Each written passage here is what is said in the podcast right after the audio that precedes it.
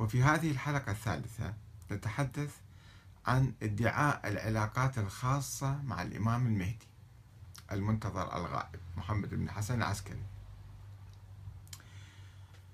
الإمام محمد بن حسن العسكري أي هو الإمام الثاني عشر عند الشيعة الاثنى عشرية والذي يطلق عليه أيضا الإمام المهدي المنتظر الغائب الذي يقال أنه ولد سرا في منتصف القرن الثالث الهجري ولا يزال يعيش إلى اليوم بصورة مختفية إلى أن يأذن له الله بالخروج.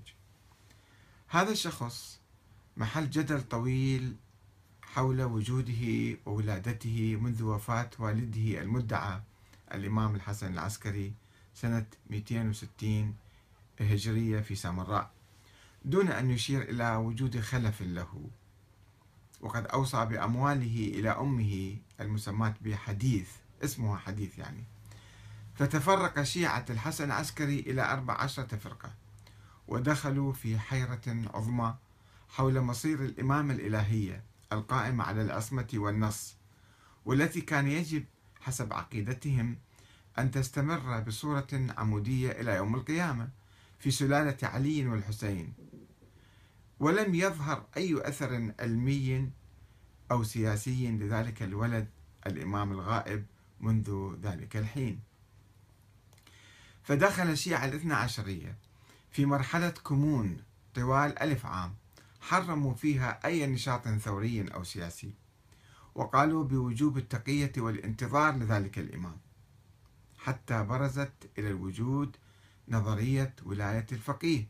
فأنقذت الشيعة من الحالة السلبية وسمحت لهم بإقامة دولة إسلامية حديثة في إيران وأحزاب إسلامية هنا وهناك ومقاومات وحركات اجتماعية.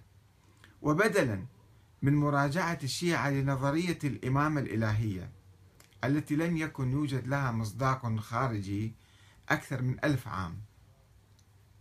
وإعادة النظر في موضوع ولادة ووجود الإمام الثاني عشر الذي لا يوجد عليه أي دليل علمي تاريخي أو شرعي حتى عند الشيعة الاثنى عشرية.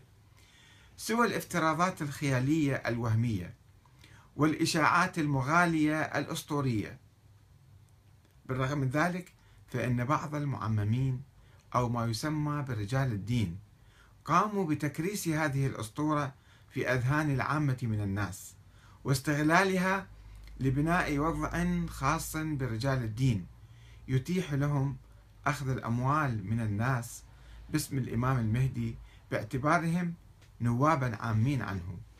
وكذلك الحكم باسمه بصورة ديكتاتورية باعتبارهم يملكون الشرعية الدينية المستمدة من الله عبر الإمام المهدي الغائب.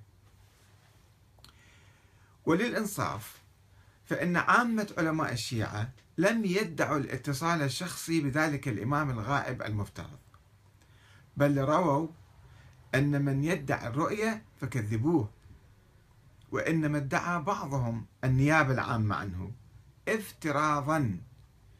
يعني افترضوا أن كل فقيه هو نائب عام عن الإمام مقابل النواب الخاصين الذين يقال أنه هو عينهم. النواب الأربعة في فترة ما يسمى بالغيبة الصغرى. ولكن هناك فريق من أدعياء العلم والتقوى والعرفان كان يدعي الاتصال الخاص بالإمام الغائب. ويشبه هو أن يشيع بعض ويشيع هو أو أن يشيع بعض أنصاره عنه بأنه على اتصال مباشر بالإمام. ومن هؤلاء الذين ادعوا الاتصال الخاص شيخ قمي توفي سنة 209 للهجرة. اسمه الشيخ محمد تقي بهجت. يقال أنه كان عارفا وعلى درجة عالية من التقوى والكرامات حتى أن الأرض كانت تطوى له. عندما كان يسافر إلى أي بلد برمشة عين كان ينتقل لبلد الآخر والأرض تطوى له بسرعة. وأنه يعلم الغيب وما في النفوس ويشافي مختلف الأمراض بدواء سحري خاص يتألف من ماء زمزم وتربة الحسين. وحتى كان يجيب على أسئلة الناس في المنام. هو لا يشعر يتكلم أو يذهب إليهم في الأحلام ويجيب عن مشاكلهم وأسئلتهم واستفساراتهم. تعالوا نقرأ في كتاب الناصح مما علم رشدا العبد محمد تقي البهجت البالغ مناه. نشر مكتبة مؤمن قريش ومركز حفظ ونشر تراث المرجع الأعلى والعارف الأتقى الشيخ بهجت هكذا مكتوب على الكتاب. الطبعة الأولى 1436 قم إيران. كيف يستدل الشيخ بهجت على وجود الإمام المهدي الغائب. يجيب يستدل على ذلك بالافتراض. انظروا إليه كيف يستدل وكيف يبني عقيدته حول هذا الإمام. معرفة الإمام المهدي عجل الله فرجه. سؤال رقم 23 نسأل من حضرتكم دلالة وهداية, دلالة وهداية إلى الإمام المهدي عليه السلام. جيم. بسم الله الرحمن الرحيم. يجاوب الشيخ بهجت. الحمد لله رب العالمين والصلاة على سيد الأنبياء محمد صلى الله عليه وآله وسلم وعترته سادة الأوصياء عليهم السلام واللعن الدائم على أعدائهم أجمعين. وبعد فالسؤال عن حياة الإمام المهدي عليه السلام وعن خلافته له له محل لمن لا يعتقد بإمامة والده المعظم الحسن بن علي العسكري عليه السلام.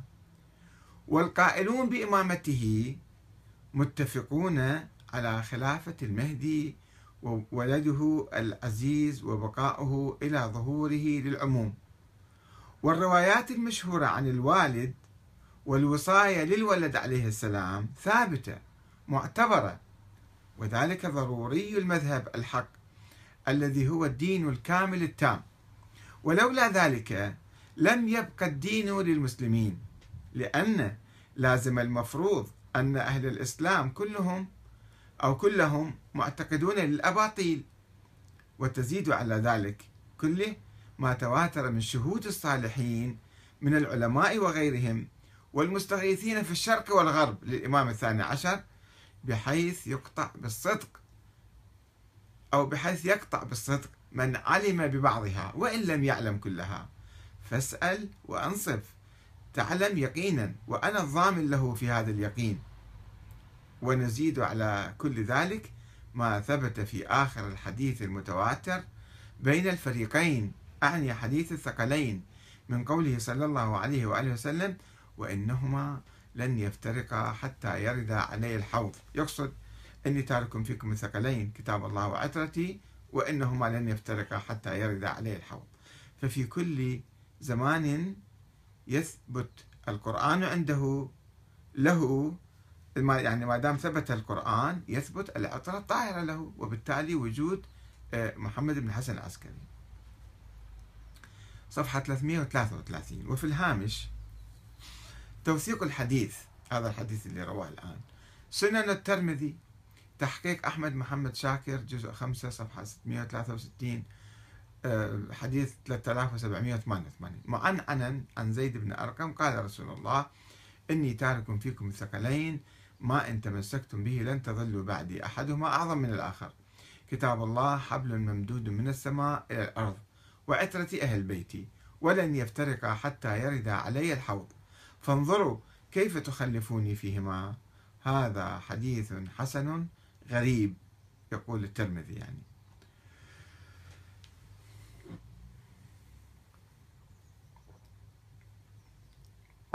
الآن نأتي لمناقشة آه، كلام الشيخ واستدلاله على وجود الإمام الثاني عشر.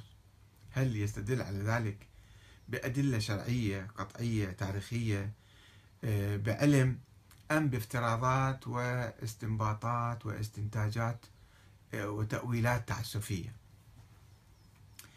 وبالرغم من أن هذا الشيخ محمد تقي بهجت لم يقم بأي بحث أو مراجعة أو اجتهاد في موضوع وجود ذلك الإمام وولادته فإنه يضفي عليه صفات مغالية جدا أعلى بكثير من دور الإمامة. ويقول في صفحة 203 الآن نواصل حديث الشيخ يعني قبل أن نناقشه. إننا يقول إننا نحب إمام الزمان لأنه أمير النحل وجميع أمورنا على الإطلاق تصل إلينا بواسطته وقد نصبه النبي لنا أميرا. وإن الإمام المهدي يرى ويعلم ما نتكلم به بعضنا مع بعض. كل العالم عندما يتكلمون هو يعرف كل ما يتكلم الناس في الدنيا إنه عين الله الناظرة وأذنه الواعية. ويسمع كلامنا. قبل أن نسمعه نحن عندما نتكلم بالكلام قبل ما إحنا نسمع من فمنا إلى إذنه هو يسمع هذا الكلام. بل نحن أنفسنا عندما نتكلم هناك فاصلة إلى أن يأتي هذا الصوت من الشفتين إلى الأذن. هو عليه السلام يسمع كلامنا قبل هذه الفاصلة. قبلنا يسمع كلامنا فهل يمكننا مع هذا أن نقوم بعمل لا يشعر به؟ هل يمكننا أن نفعل فعلا لا يعلمه؟ يعني الله سبحانه وتعالى هو الذي يعلم أعمال الناس وما في قلوبهم وأقوالهم. أما النبي ما كان يعلم هذا الشيء. النبي كان حواليه يتكلمون في في منافقين حول الله يقول له أنك لا تعلمهم. نحن نعلمهم. أما هذا الشخص في كل العالم عندما يتكلمون في وقت واحد الآن هو كمبيوتر كان يسجل كل مكالمات العالم. صفحة 254 يقول إمام الزمان يسمع كلامي قبل أن تسمعوه أنتم مني. صفحة 283 أيضا يقول في موضوع اسمه عنوان الحديقة الخامسة. واحد إن حضرة الحجة نفسه منتظرا لليوم الموعود أيضا ونفسه يعلم أنه متى يظهر. وما يقال أن حضرته لا يعلم وقت ظهوره فهو غير صحيح. طيب هاي صفحة 301 أه سؤال 36 مع كل ما نقل من التشرفات عن الالتقاءات بالإمام المهدي يجب أن يقال إن الغيبة ليست مطلقة. طريق الملاقاة لأهل الأسرار مفتوح. يعني الموقف الشيعي الاثنى عشر العام منذ وفاة آخر ما يسمى بالنائب الخاص الرابع السيمري إلى الآن قالوا أنه قطعت الغيبة بعد ما في أحد يشوف الإمام إلا وقت الظهور ومن ادعى رؤيته فكذبوه. أما الشيخ محمد تقي بهجت فيقول لا لا لا. ممكن في ناس خاصين يلتقون به. الغيبة ليست مطلقة.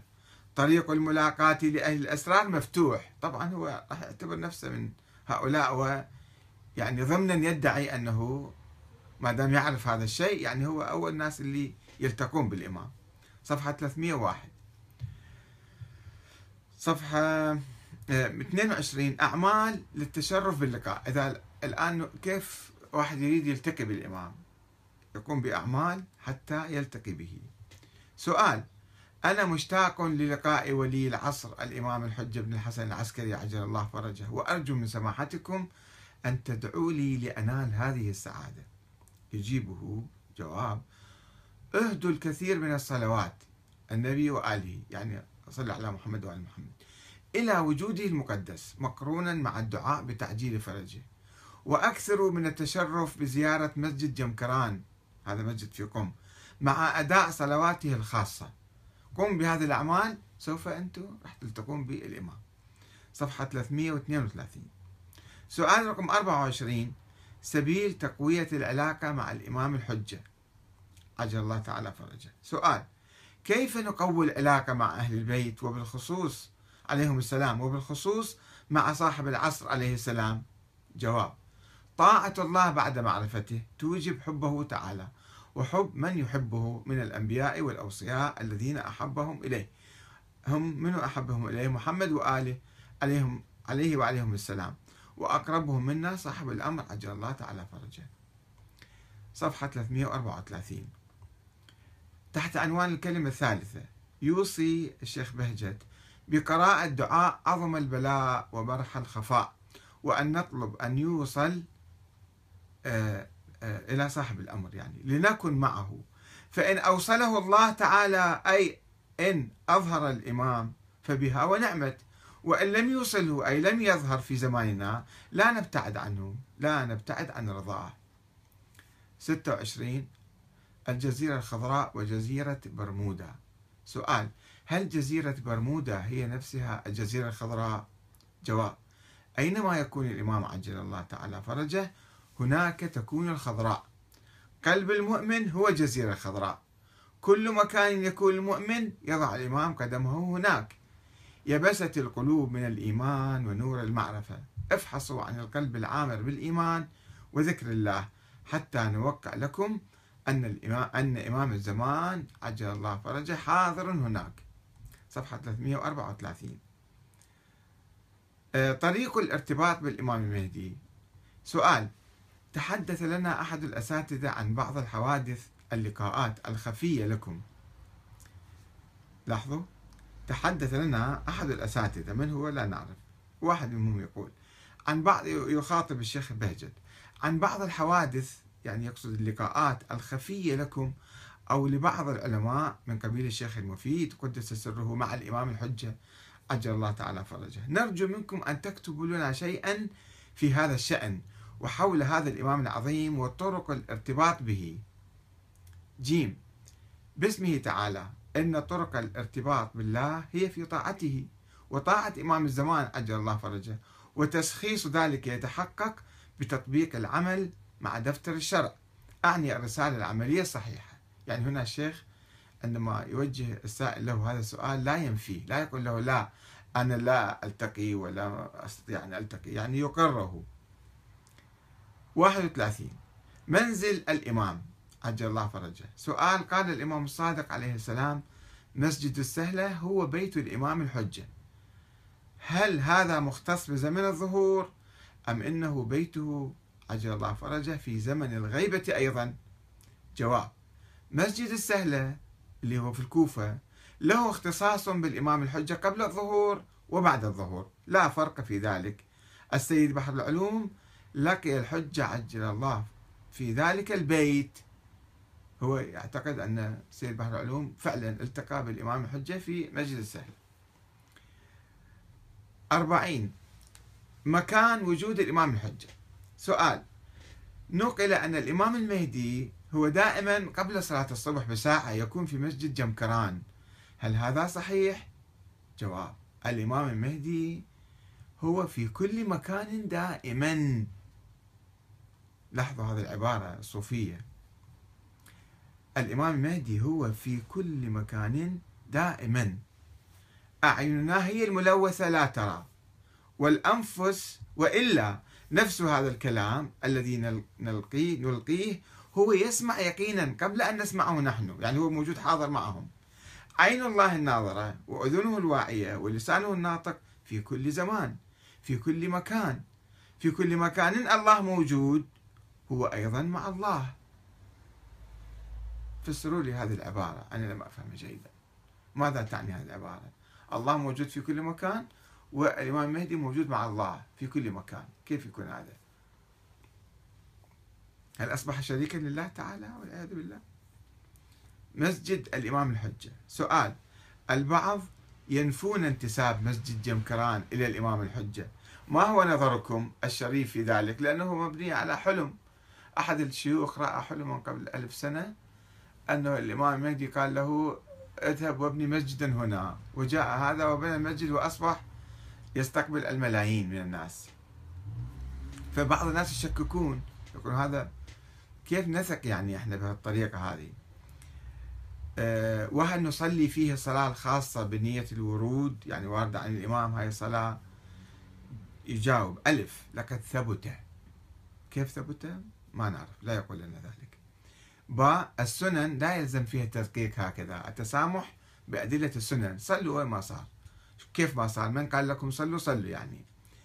جيم إن أداء المستحبات هو ب... هو بنية ورود المستحبات.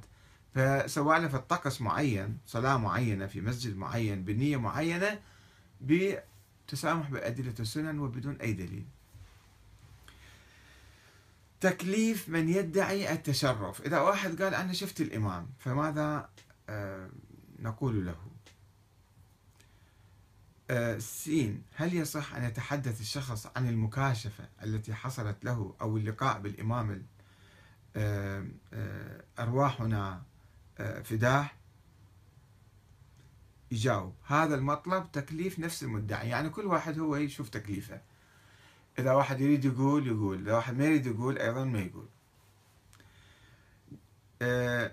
36 العمل بقول من يدعي الرؤية. إذا واحد قال أنا رأيت الإمام وجاب لنا توصيات من عنده فماذا نفعل؟ يعني نسمع كلامه نطيعه ونأخذ بهذه التوصيات على أنها فعلا آه، رواية صحيحة عن الإمام. يقول هل يجوز العمل بقول من يدعي المكاشفة للإمام الحجة وترتيب الأثر على ادعائه هذا موضوع خطير جدا طبعا. كل واحد يجي يقول لك أنا شفت الإمام والإمام قال كذا وكذا. بعد ما يحتاج سندك وبيا كتاب وبيا رواية. يقول هذا الأمر دائر مدار حصول اليقين للعامل. يعني إذا أنت تيقنت وصدقت فاعمل بقول هذا الشخص. يعني دي يفتح باب الشيخ محمد تقي بهجت إلى باب غيبي للارتباط بإنسان غائب هو مجهول وأساسا مشكوك في وجوده ويفتح لك غيب مع السماء مع الله تعالى. 37 وظيفة من يدعي المعاينة. سؤال تعتقد ابنتي بأنها رأت نورا للإمام علي عليه السلام ولازمها مدة فهل هذا حق أو باطل وكيف الخلاص؟ جواب باسمه تعالى. لا بد لكل مؤمن ومؤمنة أن يعمل بالوظائف المعلومة من فعل الواجب وترك المحرمات.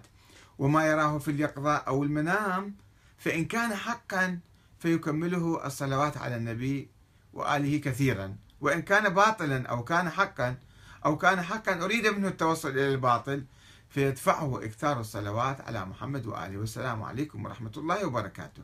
هكذا يقول في الجواب. يعني ما ما افتهمنا. يعني يعمل ولا ما يعمل؟ ماذا يعني هذا الكلام؟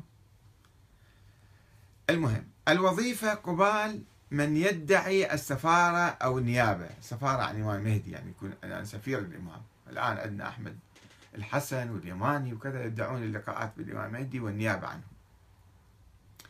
سؤال ظهر في الآونة الأخيرة الكثير ممن يدعي السفارة. أو النيابة أو العلاقة الخاصة بالإمام صاحب الزمان عجل الله فرجه فما هي وظيفتنا؟ جيم جواب عليك بملازمة اليقين. يعني ماذا؟ جواب مختصر وغامض. يعني نصدق هذا الإنسان ولا ما نصدقه؟ إذا تيقنا نعمل فيه. صفحة 340 ويدعي الشيخ بهجت أنه يرى الإمام فقد بكى يوما في مجلس عزاء. كان جالس صار يبكي. وقال إن الإمام المهدي كان حاضرا في ذلك المجلس مجلس العزاء ولذلك بكى. صفحة 108 هكذا يقول الكتاب المؤلف عنه كتاب الناصح المطبوع تحت إشراف ولده ولجنة من المشايخ في قم. يقولون أيضا كان يتوسل بصاحب الزمان كل يوم لمدة ساعة ونصف. في الحديث السابق كان يتوسل نصف ساعة الآن صار هنا ساعة ونصف. آه، في غرفة مظلمة ومغلقة لا يدخل عليه أحد فيها. فقط هو يرتبط بالإمام ويناجيه ويتوسل فيه. صفحة 194 يعود إلى زيارة مسجد جمكران. يقول كان مواظبا على زيارة مسجد جمكران المقدس كل المساجد مقدسة ولكن هذا له صفة خاصة. وكان يقول مسجد جمكران هو سهلة إيران. الشيخ محمد تقي بهجت والله يعلم رأي العلماء العظام من الكرامات في هذا المسجد المقدس. صفحة 198 ويقول لدي صديق رأى الإمام قريبا. سألته هل رأيته قريبا؟ هل سألته عن الفرج وقرب الظهور؟ قال نعم. ماذا قال؟ قال قريبا. قال هل أدرك زمان ظهورك؟ هو ذاك الشخص اللي الصديق صديق الشيخ بهجت اللي سأل الإمام قال له هل أدرك زمان ظهورك؟ سوف تظهر قريبا يعني؟ قال من هم أكبر منك أيضا يدركون. يعني أنت بعدك شاب مسألة مطولة يعني مو سريعة. أنا سألت من الشيخ بهجت كم عمر صديقك؟ قال 62 سنة. قال السيد حسن نصر الله عنه في مقابلته مع المنار قال لي شخص أثق به جدا أنه سمع من الشيخ بهجت شخصيا أن الإمام المهدي سيظهر عام 1997 ولكن لم نسمع منه تحديدا إجماليا أو قريبا. وغضب عندما قيل له ذلك. هذا تعليق يعني إضافة. السيد حسن نصر الله في خطابه عن الشيخ بهجت قال أنا سمعت من صديق موثق جدا يثق به جدا قال له أنه شيخ بهجت قال هذا الكلام. الإمام المهدي يوصي بالشيخ بهجت ويدل الناس عليه. ينقل الشيخ ري شهري. هذا ري شهري كان وزير الاستخبارات في إيران وهو عنده كتب عن الحديث في كتاب زمزم عرفان. عن لسان الشيخ علي نجد الشيخ بهجت أنه قبل أحد عشر شهرا من وفاة والدي جاء رجل عراقي من السويد وأعطاه مالا وأعطى مالا لوالدي وقال التفت في أحد الأيام أن علي دفع حقوق شرعية ولكن لم أكن أعلم لأي شخص أدفعه. هذا الخمس يعني.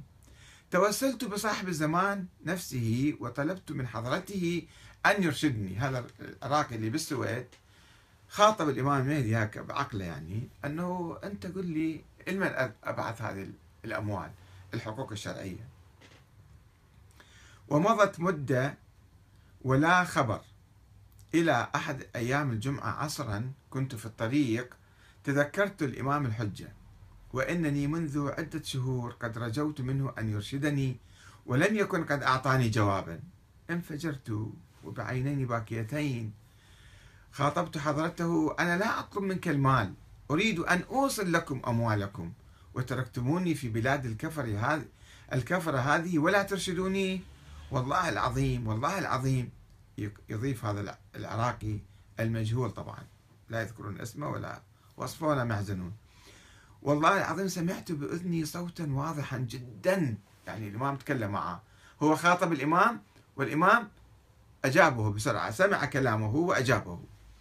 جاء الجواب توصله إلى خليفتنا الشيخ بهجت. يتابع العراقي المفترض والمجهول. ولم أكن أعرف الشيخ بهجت. فذهبت إلى شيخ إفريقي يعيش في الدنمارك وأخبرته بقضيتي أنه أنا حدث معي كذا وكذا عندي أموال وما أعرف لمن أعطيها وسألت الإمام المهدي والإمام المهدي جاوبني وسمع صوته وقال لي وديها الشيخ بهجت. فقال إن كان للحجة هذا الشيخ, الأفريقي. إن كان للحجة في الأرض خليفة فهو نفس الشخص الذي سمعت اسمه. يعني الشيخ بهجت خليفة الله في الأرض أو خليفة المهدي في الأرض. فقلت أين هو؟ لا أعرفه. فقال في إيران ويعيش في قم. هذه القصة صفحة 88 89 في هذا الكتاب. فهل يعتقد الشيخ بهجت بوجود الإمام المهدي الغائب حقا؟ وهل كان يراه؟ وهل كان يدل الإمام عليه ويوصي بإعطائه الخمس؟ خلينا نتوقف قليلا عند هذه الرواية. لاحظوا كيف نأخذ الروايات. كيف تختلق الروايات الأسطورية لتعظيم شخص معين ووضع حالة من القدسية عليه وتوجيه الناس إليه؟ ومثل ما حدث مع الشيخ بهجت يمكن يحدث مع ناس آخرين الآن بهذه الطريقة وبهذه المنهجية الغوغائية اللا علمية الخرافية. ينقل الشيخ ري شهري وهو المفروض وزير استخبارات يعني محقق ويعرف بدقة وعندما واحد يخبر خبر ما يصدق بسرعة يحاول يعني يتأكد يحاول يتبين. المهم يروي عن الشيخ نجل نجل الشيخ اللي هو شيخ علي اسمه. طيب يا شيخ علي. قبل أحد عشر من وفاة جاء رجل عراقي من السويد. طيب ليش ما تقول اسمه؟ من هذا الرجل العراقي؟ حتى نعرف نتأكد من عنده. صحيح أنت رأيت هذا الفيلم الهندي أم, أم هذا ينسب لك كذبا وزورا. طيب هذا الشخص تكلم مع الإمام بنفسه وسمع صوت الإمام. كيف نصدقه يعني؟ كيف نصدق هذا الرجل؟ العراقي حتى لو افترضنا اسمه معروف ومعلوم وعرفنا اسمه رحنا سألناه هل سمعت صوت الإمام؟ أنت تكذب. كيف تسمع صوت الإمام؟ لم يسمعه أحدا غيرك. كيف تثبت هذا الكلام؟ هذا أيضا أبرأ على هذه القصة. اللطيف في هذه القصة أنه هذا العراقي ترك كل علماء الشيعة في السويد وفي الدنمارك وراح إلى شيخ إفريقي. ما أدري هذا الشيخ إفريقي صوفي من أي مذهب من أي دين من أي كذا. المهم من هو هذا الشيخ الصو... الأفريقي أيضا؟ لا يذكرون اسمه. وعادة الأساطير والإشاعات تقوم على هذا النهج. عدم ذكر الأسماء والخصوصيات والأوقات والأماكن والتفاصيل حتى أحد لا يروح يحقق ويدقق. فالشيخ الأفريقي قال له أو إذا صحيح كلامك فأنت اذا هذا الشيخ بهجت هو خليفة الإمام. يعني ابن الشيخ يعمل دعاية لأبوه. وهذا طبعا كلام مشكوك فيه لأنه حتى لو يجيب أرقام وكذا كلام مشكوك فيه. يعمل دعاية حتى يعظم أبوه. وهاي طبعا في حياة أبوه حادثة القصة وهو يرويها يعني قبل 11 شهرا من وفاته. فلاحظوا هذا المنهج؟ آه وكيف يعني يخدعون الناس ويضحكون عليهم بهذه الطرق. طيب الآن نعود إلى الكلام الأول اللي هو الشيخ بهجت كان يعتقد بوجود الإمام فعلا. عن علم ويقين وأدلة شرعية قطعية. هل اجتهد في هذا الموضوع؟ هل بحث؟ هل ناقش؟ هل هل درس هذا الموضوع؟ أو تلقفه هكذا بالتقليد. وهو يقال عنه المجتهد الأكبر. عالم الأصول وعالم الفقه والفقيه الأعظم والكذا. وخلي نرى آه، آه، آه، كيف يعني هو يعني كون عقيدته بالإمام المهدي. وبعدين كيف استغل أو استغلت هذه العقيدة في صرف الأموال وتوجيه الأموال؟ إذا واحد عنده خمس خلي يوديه إلى الشيخ بهجت لأنه هذا الإمام المهدي أوصى به.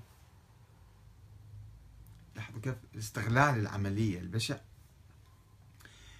يقول الشيخ بهجت آه يعني عندما سأله السائل أنه كيف تثبت آه الإمام المهدي أو تدلينا أو تهدينا إلى الإمام المهدي. يقول السؤال عن حياة المهدي وعن خلافته له محل لمن لا يعتقد بإمامة والده. طيب إحنا آمنا بإمامته.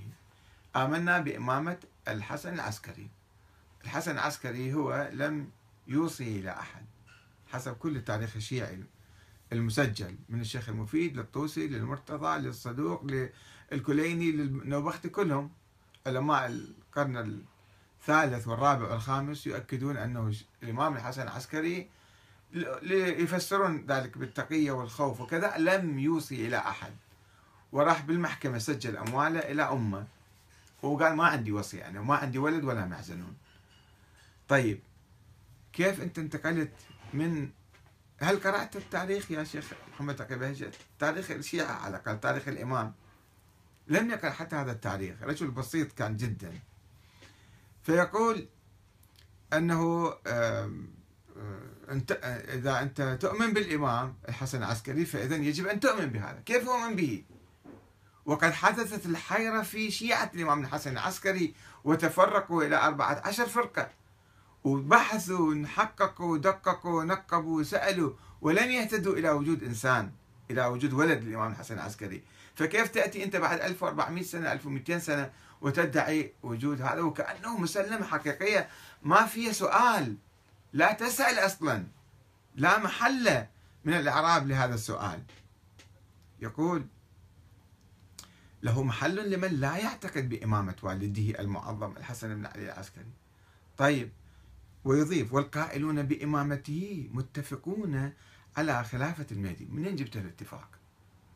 كيف نسبت هذا الاتفاق إلى شيء لم يحدث بالتاريخ لم يحدث في التاريخ الشيعي الاثني عشري الإمامي وقد انقسم شيعة الإمام إلى أربعة عشر فرقة. فكيف حدث اتفاق؟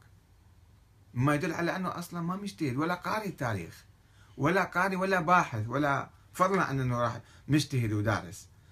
والقائلون بإمامته متفقون على خلافة المهدي ولده وبقائه إلى ظهوره للعموم. أيضا هذه مسألة ثانية بقائه مسألة ثانية. إذا كان عنده ولد مسألة وأنه مستمر في الحياة مسألة ثانية يمكن مات. وهو في السر وهو في الكتمان. نحن لا نعلم أنه على قيد الحياة حتى الآن. كيف علمت أنه باقي على قيد الحياة؟ بالافتراضات الوهمية والخيالية وليس بالأدلة الشرعية التاريخية العلمية القطعية. هذا المنهج يقودنا إلى هذه المصايب. والروايات المشهورة عن الوالد. يا رواية ما في أي رواية حتى تقول لي روايات مشهورة. والوصاية للولد ثابتة معتبرة. وين؟ بأي كتاب؟ بيا موسوعة بيا كذا. أنت جيت تدعي لي أشياء ليس لها من صحة أي أساس. ثابتة معتبرة. وذلك ضروري المذهب الحق. كيف أصبح ضروري؟ وهي مسألة خلافية فرعية جزئية تاريخية. ضروريات المذهب توحيد الله الإيمان بالرسالة الإيمان بالنبوة الإيمان بالآخرة بأركان الدين. أما في هذا القصة التاريخية الغامضة والمختلف عليها فكيف أصبحت ضرورية يعني بديهية بعد ما تحتاج إلى نقاش؟ ولولا ذلك لم يبقى الدين للمسلمين. طيب الآن كل المسلمين فرق شيعية عديدة لا تؤمن بهذا الإمام وهي عايشة ومتدينة والدين باقي. فكيف طيرت الدين لأنه إذا ما آمنت بهذا الإنسان؟ لأن لازم المفروض المفروض أن أهل الإسلام كلهم معتقدون الأباطيل يعني يعني كلهم صاروا على باطل. من قال لك أصبح على باطل؟ وتزيد على ذلك كله ما تواتر من شهود الصالحين من العلماء وغيرهم والمستغيثين في الشرق والغرب للإمام الثاني عشر. أي تواتر؟ ماذا يعني التواتر يا شيخ؟ هل درست معنى التواتر؟ هل رأيت التواتر موجود؟ التواتر بعد ما في أحد يشك به إحنا عندنا الآن يعني يعني قضايا متفق عليها بين كل الناس من كل الأديان يسموها تواتر.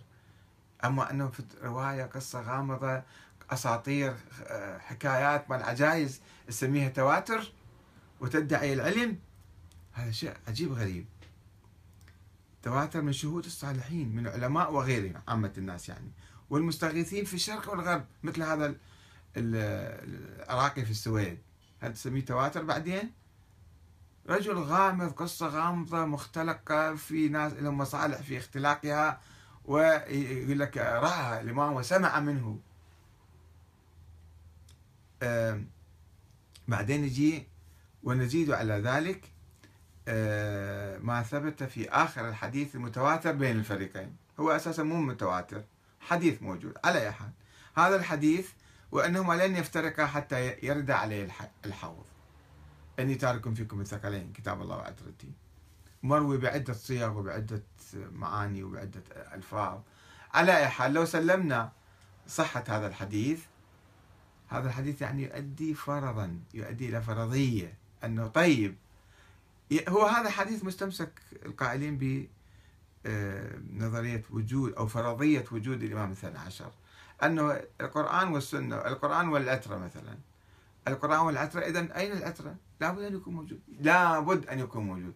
يعني يجب أن نفترض وجود هذا الإنسان ابن الحسن العسكري. طيب ليش ابن الحسن العسكري؟ هو ابن أخوه جعفر ابن موسى بن جعفر ابن إمام آخر. والعترة تستمر مثلا. فلماذا أنت افترضت هذا الإنسان هذا الولد هو يمثل العترة فقط ولا أحد غيره يمثل العترة؟ أسئلة يجب أن نطرحها يجب أن نفكر فيها. حتى نعيد النظر في موروثنا الثقافي الأسطوري والخرافي والبعيد عن الإسلام والبعيد عن أهل البيت عليهم السلام. حتى لا نقع في مصيدة آه، هؤلاء الدجالين الذين يستغلون هذه الفكرة ويمتصون أموال الناس وأن الإمام المهدي أوصى بأن تعطوا الأموال لهذا الشخص أو ذاك. نواجه هذه المشكلة الآن بعد وفاة الشيخ حتى. يمكن يطلع لنا كل يوم واحد جديد ويقول لك أنا وكيل الإمام أنا نائب الإمام أنا ألتقي بالإمام.